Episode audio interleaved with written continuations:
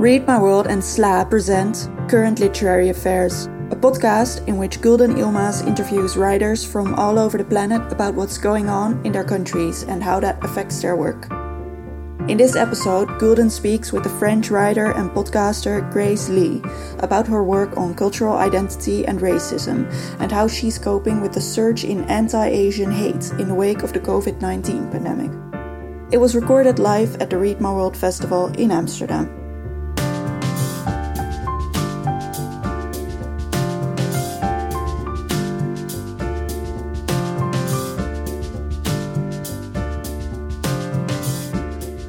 After reconnecting with her heritage through Chinese and Asian cuisine on her blog La Petite Banane, Grace Ly used her platform to explore questions of cultural identity and raise voice against the invisibility of the Asian community in France. She created Ça entre nous, a web series about the French Asian community, and the podcast Kiffe ta race about race and racism in France, which she hosts with friend and journalist Rokhaya Diallo. In 2018, she published her novel Jeune Fille Modèle about the coming of age of a second generation French East Asian girl. Welcome, Grace. Uh, so happy that you're here. You're visiting uh, from uh, Paris, and um, it's so nice to talk to you live here at the Read My World Festival, face to face. We are in the garden of the Tolhuistuin in Amsterdam North, and we are in a cafe, and uh, with audience coming in and out, and we are going to talk about uh, your podcast, your book, and about food. Uh, so we are recording our second uh, podcast, something you are very familiar with podcast because you have made 75 episodes of your podcast Kiffe ta race. I will hope that we will get to the 75th too. Um, let's start with the question you always ask your guests. How do you define yourself? Well, thank you, Gulden, for everything. And I have to say, it's very comfortable to be on the other side of the mic because, well, to be asked this question is uh, unusual for me. Yeah. And I guess that um, the answer depends on who, uh, who is asking the question. Why?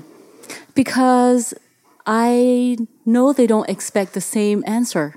Okay. If um, if I know that you're an international person in the sense that we're not in, we, you come from abroad or I come from abroad, I will say, I'm from Paris, France. Mm-hmm. If we're in Paris and I'm talking to somebody um, who is wondering where I'm coming from right now, I will say, I'm coming from the south of Paris, that's where I live. Mm-hmm. If someone will show me in their eyes that they are they're wondering where I'm really coming from from, then I will keep saying I'm from the south of Paris. Okay. Um, but I guess um, there's something about the identities. Uh, we're very afraid of that word now. We say we call it identity politics, or um, identities are changing. I don't, you know, we we're, we're many things, many layers, and we're a lot of people it, you know, there, um, it's really uh, difficult to uh, sum up a person in one word or in one. Um, so when I ask this question in a podcast about race, obviously we're um, wondering how the person will define herself or himself in an environment where race is taboo. Do you define yourself as a, a white person, a black person, an East Asian person. Um, obviously, people are, aren't just you know what that what they're perceived as, and this is the the answer we are interested in because it um, it it tells a lot about the upbringing and how the how this person is um, perceived in her in in her, in her community. So I would say today because Gulden, you're asking the question yeah. that I am a French um, uh, person of East Asian heritage. My parents are um, from Cambodia; they're Chinese Cambodian, and I was born and uh, raised in France. Okay. Let's go to your uh, blog, the beginning of your writing career, if we can say that. Uh, before you wrote your novel, uh, you had already started a successful blog, uh, La Petite Banane. Why is it called La Petite Banane? Hmm. Um, the word banana, la banane, was actually um, a notion that my mother would use. Uh, she would say, Oh, you're a banana, which means that she was fed up with me not being Chinese enough because the banana is yellow on the outside and white on the inside. And when I, in, in my, in where I grew up, um, my parents uh, they are Chinese, so they speak. They would speak Chinese to me at home, and I would live in, in, in this very Chinese environment mm-hmm. uh, on the inside. And when when I went um, to school or I went out in the street, I would be um, in in the French part of my life, and so the fact that she said "you're a banana" meant that despite all her efforts in um, giving me the heritage that um, is important to her, I am not as Chinese as she is. I am not the daughter um, that she wanted. Mm-hmm. Perhaps that's well, you know. yeah. Uh, and um, so I used this word because I wanted to uh, get rid of it. I wanted to say yes. Uh, I don't speak Chinese. I, I, I, cannot cook rice the way that my grandmother did. It's never perfect. Yeah. Uh, always too soft or too hard but I um, I will make something out of this. Yeah. Um, in, fr in, in French, there's this. Um, it, they call it in sociology le retournement du stigmate. Mm -hmm. So you use some a weapon that um, was used to judge you. Yeah. Um, as your own weapon. And on uh, the blog started in 2011. Uh, you wrote about East Asian food, Chinese restaurants. What is the importance uh, of food in your life? Yeah, food is um, quintessential in my life.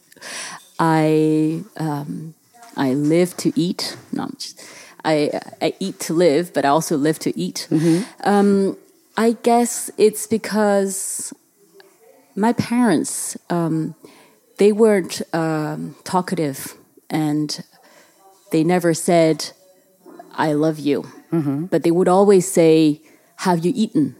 Are you hungry? Are you hungry? It was how they would show me that they cared. Mm-hmm. And I know my mother did it, my grandmother did it before her, and my, my aunts do it now. So, have you eaten is a way to tell me that I, you know, I matter.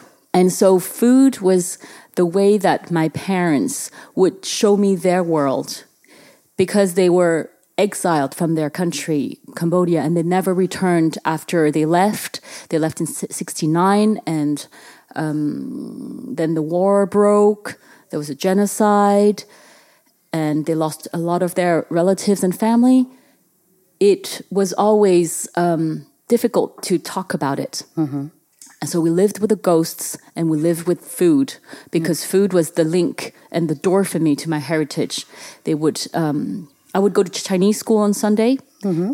and we would eat a bowl of noodles in the so-called Chinatown of of Paris. It's the thirteenth uh, arrondissement, mm-hmm. and so neighborhood. I, neighborhood, yeah. So I have very vivid memories of um, of how food came into play by way of you know um, sharing, Being seen, caring. Yes. You're one of the cu curators of the Read My World Festival, and the, and the theme is care.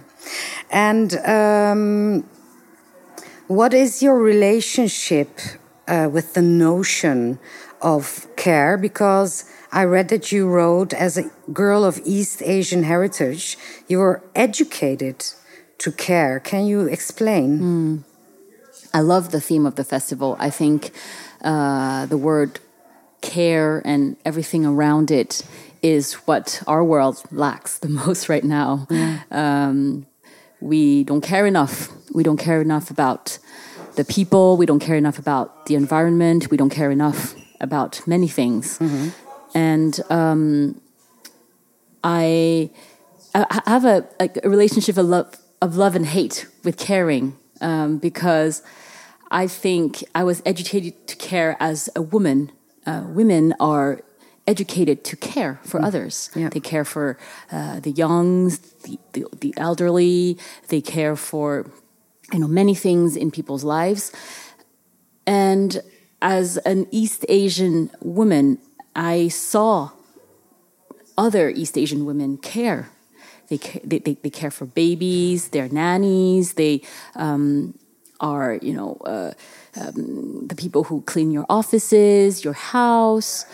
And um, I, I, I did wonder uh, what is it that um, do I have to care? Is it something that is mandatory? Because I prefer to do it by choice, and now I, am choosing to care because mm-hmm. I think that's important. I don't want to be forced to do it.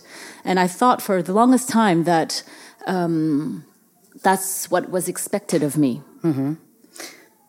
From your parents? From my parents, but also from uh, society. And um, I had a hard time you know, just um, steering away from from from this, and uh, I almost became careless. I almost, mm, you know, lost touch with myself and and others. And it's I don't I think it's only when I became a mother myself, I realized that caring was um, everything that I, I needed to work on. Care for myself, care for others. It's something that's very central in my life now. Yeah you started to take care of yourself too because you wrote a book and that is not uh, the way your parents imagined you uh, to, to, to become a writer. Uh, and your book is called Jeune Fille Modèle, Model Teenager, and it is inspired by your own experiences? Absolutely. It's, uh, there's a lot of uh, me that I put in my first novel. I think I've talked to a lot of people who wrote books, and apparently the first novel is a bit of is, is a bit of a process and uh, but it's it's also based on a lot of uh, testimonies, people who have told me about their lives, and I wanted to uh, share this too. And I think writing is caring, if because writing is about you know telling stories in this world that I find worthy, mm-hmm. and I think that um, there's a, a, a, there's caring in writing. Mm-hmm. Um, what is the book about? The book is about um, a a young woman of Chinese um, uh, Cambodian heritage, just like me, who was brought up in an environment, of French society, where liberté, égalité, fraternité, this is the French uh, motto, it means freedom, equality, and solidarity. Uh, she was brought up in, in the world where these three words uh, were you know engraved uh, on top of uh, the school walls, and the book is is really about what does it mean when they don't feel true, and what does it mean when when um, the ideals that um, that that the world should be shaped after are are are they, they don't resonate the same way for, yeah. for, for, for, you. Because it sounds like uh, liberty, equality, fraternity, uh, that the state is colorblind. Was it that way? Is France colorblind?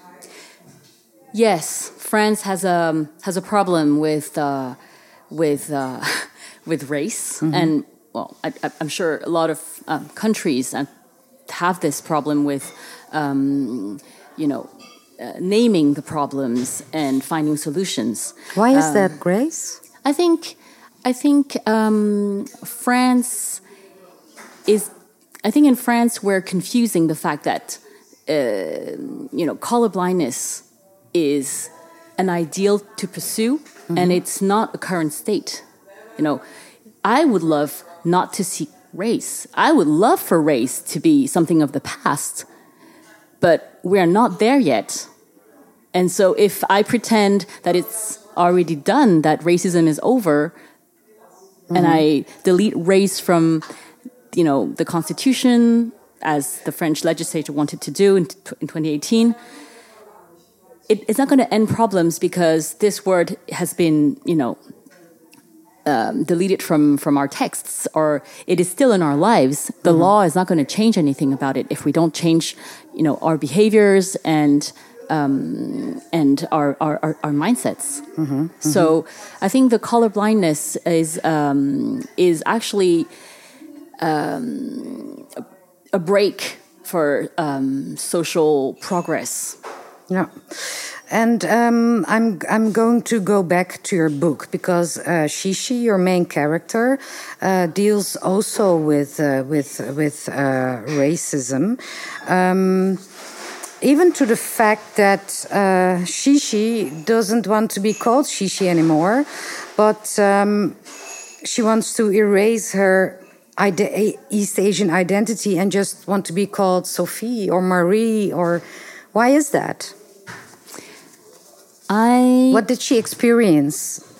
Yeah, there's something about first names um, that I wanted to share in, in, in the novel.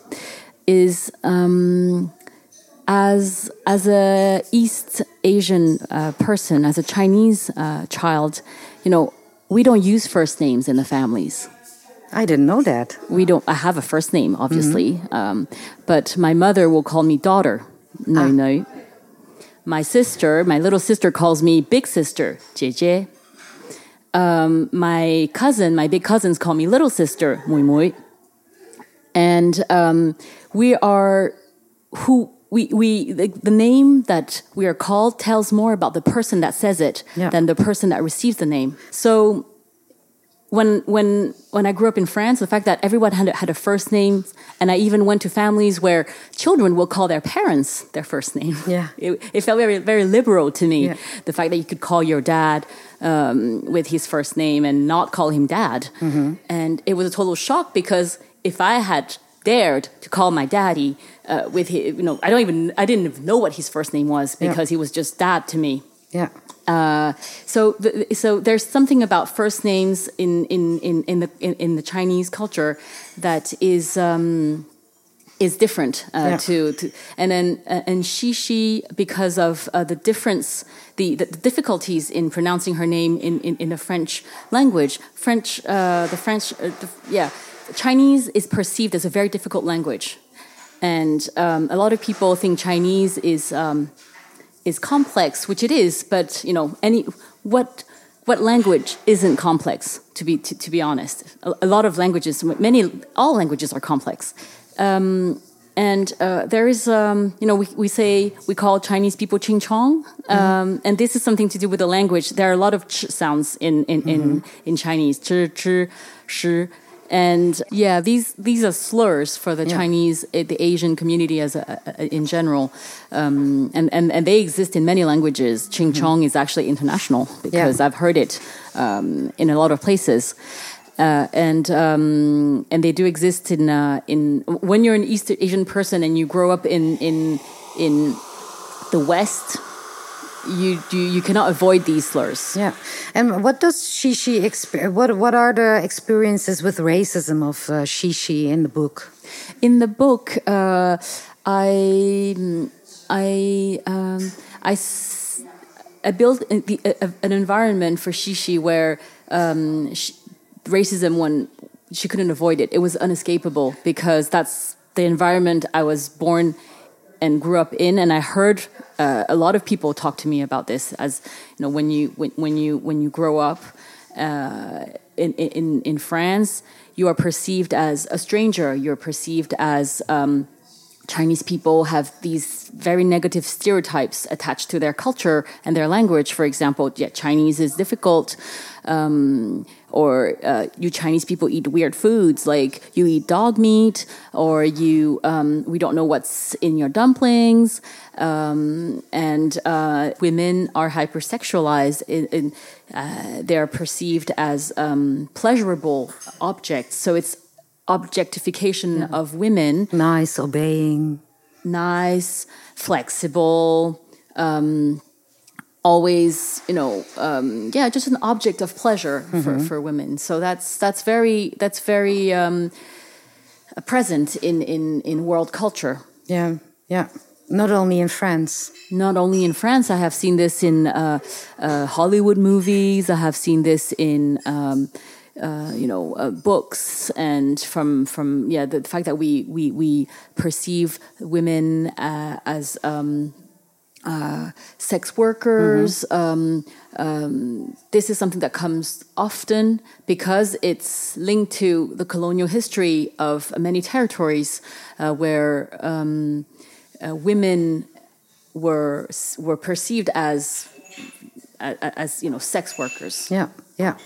Chi uh, has a hard time with these identities forced upon her uh, from within her family, but also the, the world outside. She, go, she goes to a lycée with uh, very international uh, children also, but she's, to, she's forced to take lessons in Chinese culture and language, and she hates that.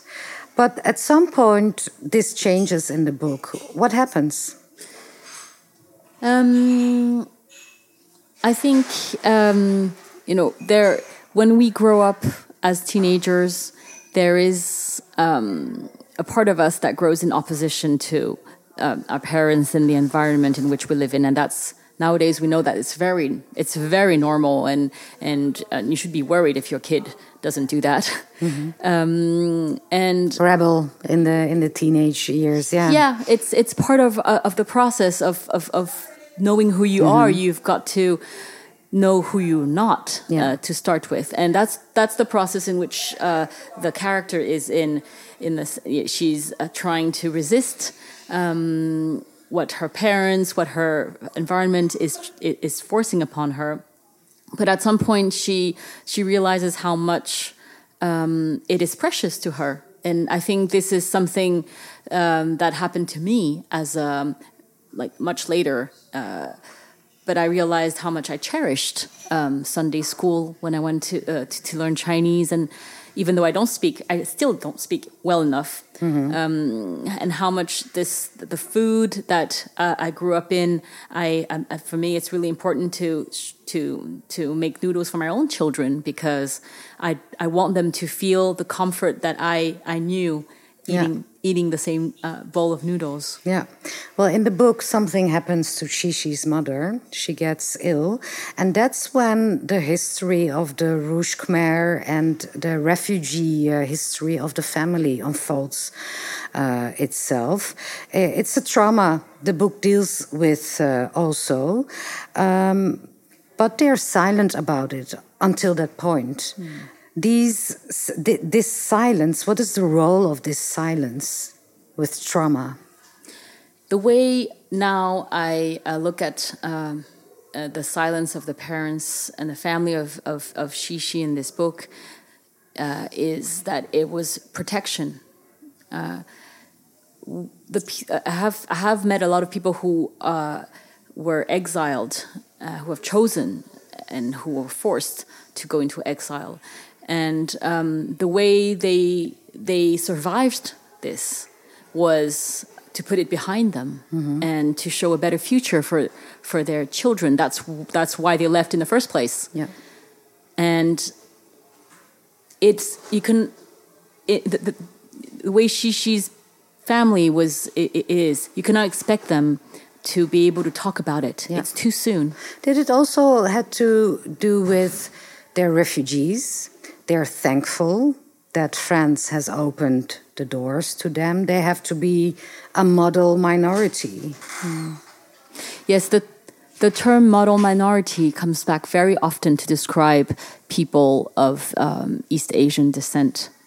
Um, it is actually a myth um, because um, uh, we, we, you know, they were they, they have been uh, written as uh, very hardworking, uh, very submissive, very discreet, very convenient. Don't look back, stay silent about the past, yeah. just concentrate on the future mm. of the children, mm. work hard.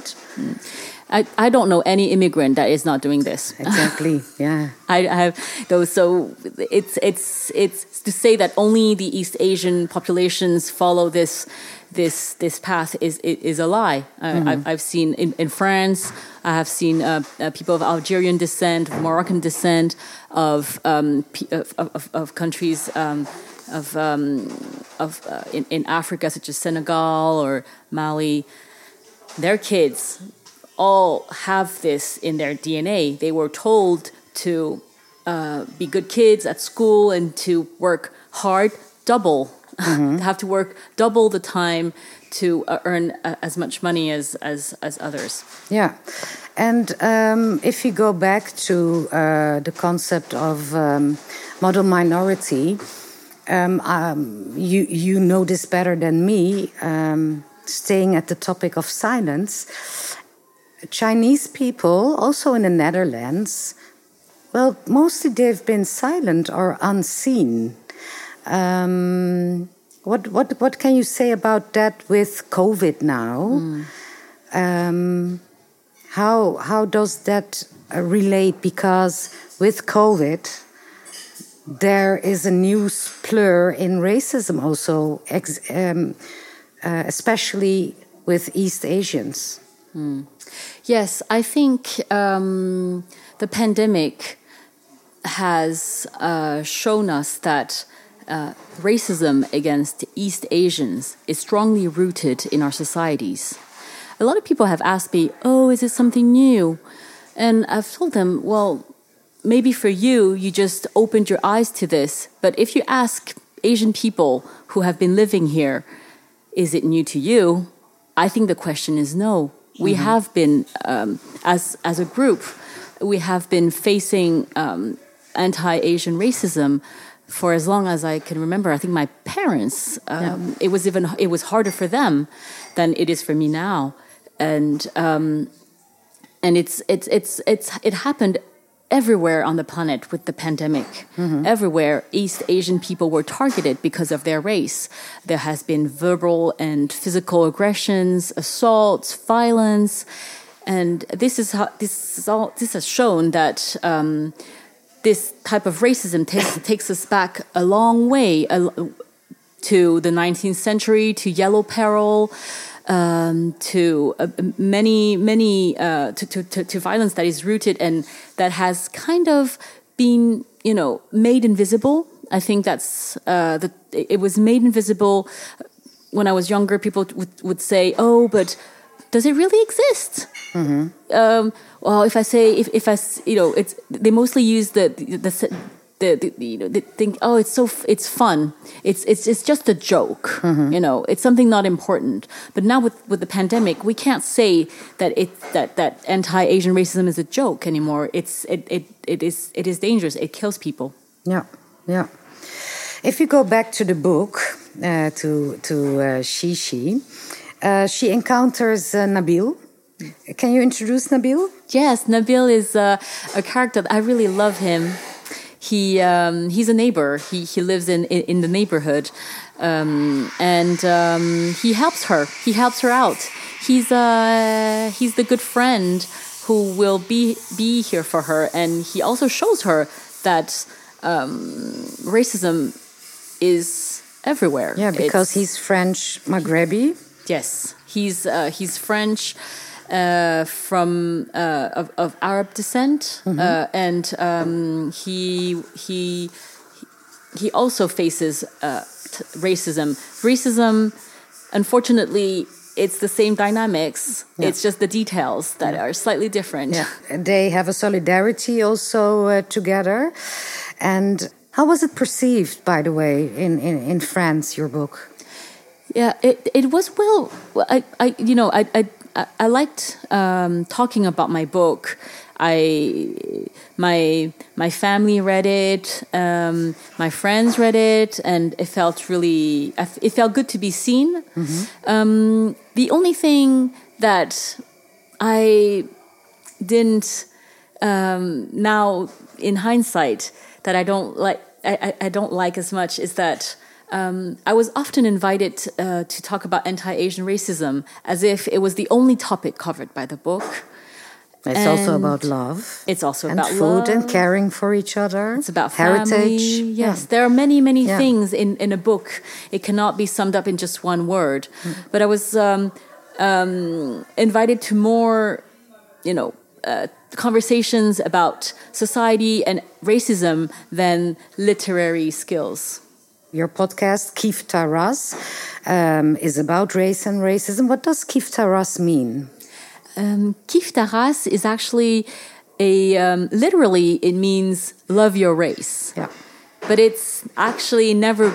It's used to say having a blast. If I say, "Oh, j'ai kiffé ma race," it means I really had a good time yesterday. It has nothing to do with race, and we thought it was really funny to use this expression that has the word race in it to talk about something that has nothing to do with race. Why did you start the podcast?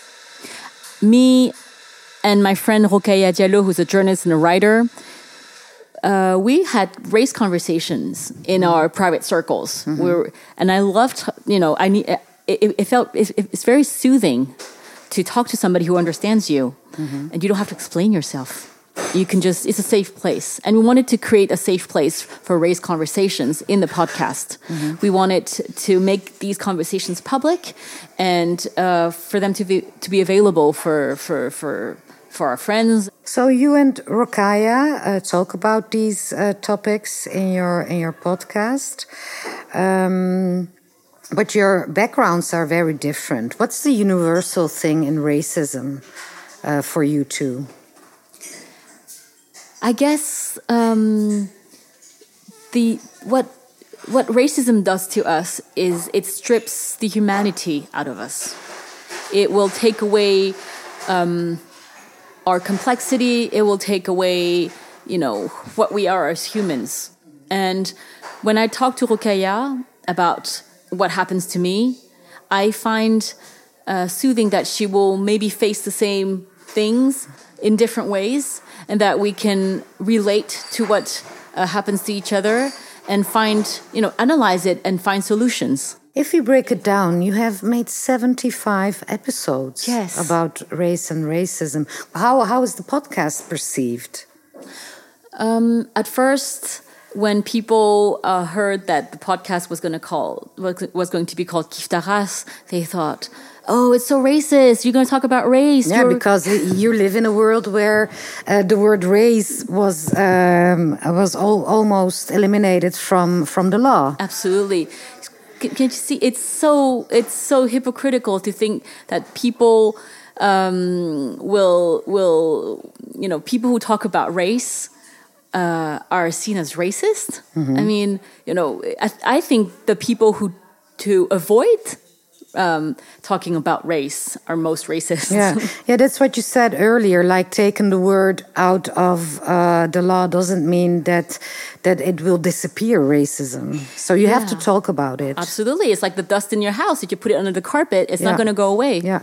Do you do you sense because you started in thu- 2018? Um, do you sense something has changed because you have these conversations and a lot of people listen to your podcast? Well, first, for me, a lot of things have changed because I had the opportunity to educate myself with my podcast. And that is, you know, obviously very precious to me because I'm growing with the podcast. And, um, and the fact that it is, uh, you know, it's, it's a free podcast. You can listen to it for free on, on, on the platforms. And that is also very important to us so that um, it's out there and uh, it's for everybody, whether you are a victim of racism or not. I think it's important to educate ourselves.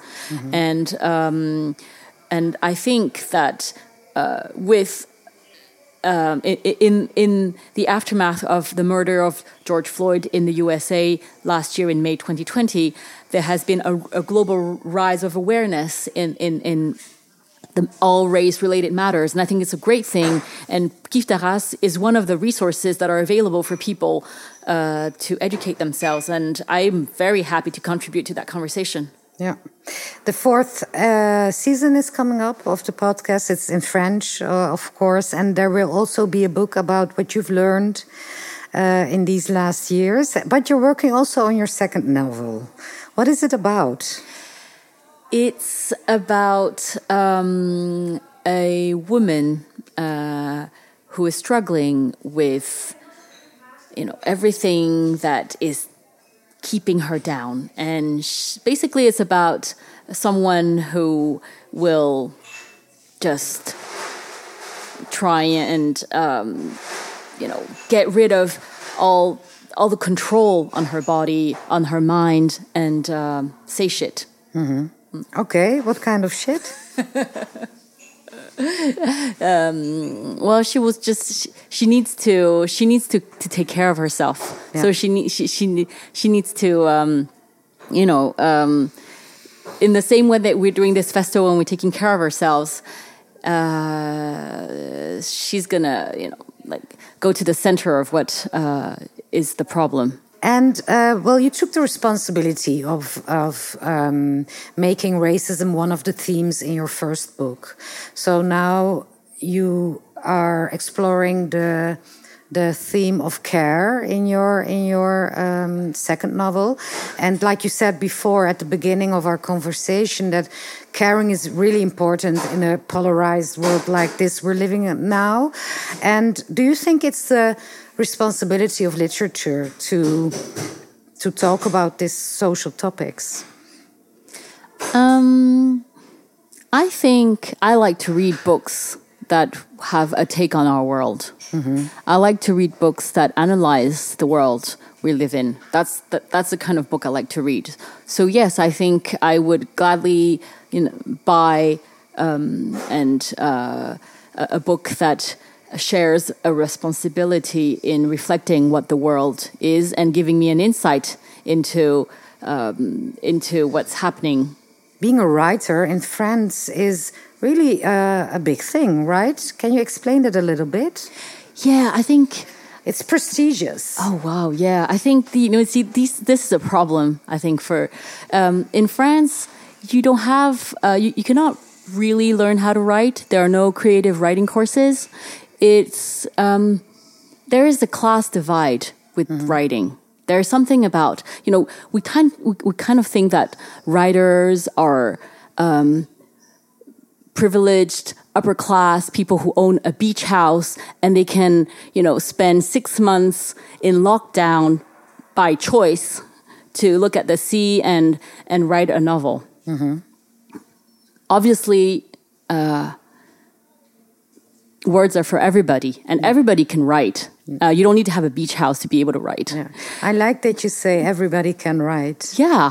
Yeah. Everybody writes. It's Yeah. just, um, you know, you ha- we have to be to to to en- enable ourselves, and I think that this power has been taken away from us because writing is power. Mm-hmm. If you write, you're shaping your world. And um, I, I had the hardest time to say I, w- I wanted to become a writer because it seemed like writers were only old and dead. Mm-hmm. So I'm I'm glad that there are a lot of living writers in this Yeah. festival. Yeah. Yes, me too. um, so this this topic um, uh, about racism will come back in your book Yeah, well, I don't, I don't know how I can steer away from this. I, I, I I'd love to write. because still um, you're a writer. You're talking about racism. Still, the discourse hasn't changed.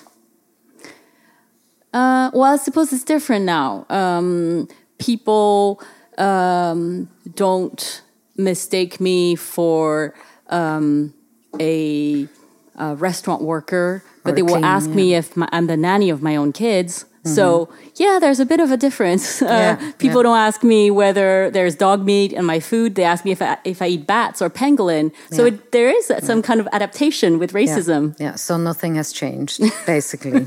okay. So this will be a topic you will uh, explore in your work. But what do we need to read, uh, other than your work, to understand how racism works in, in, in France and how it affects people? I want to talk about the book of uh, sociologist Ya-Han Chuang. She, uh, it's called um, Une minorité modèle, uh, question mark. So, uh, model minority, question mark.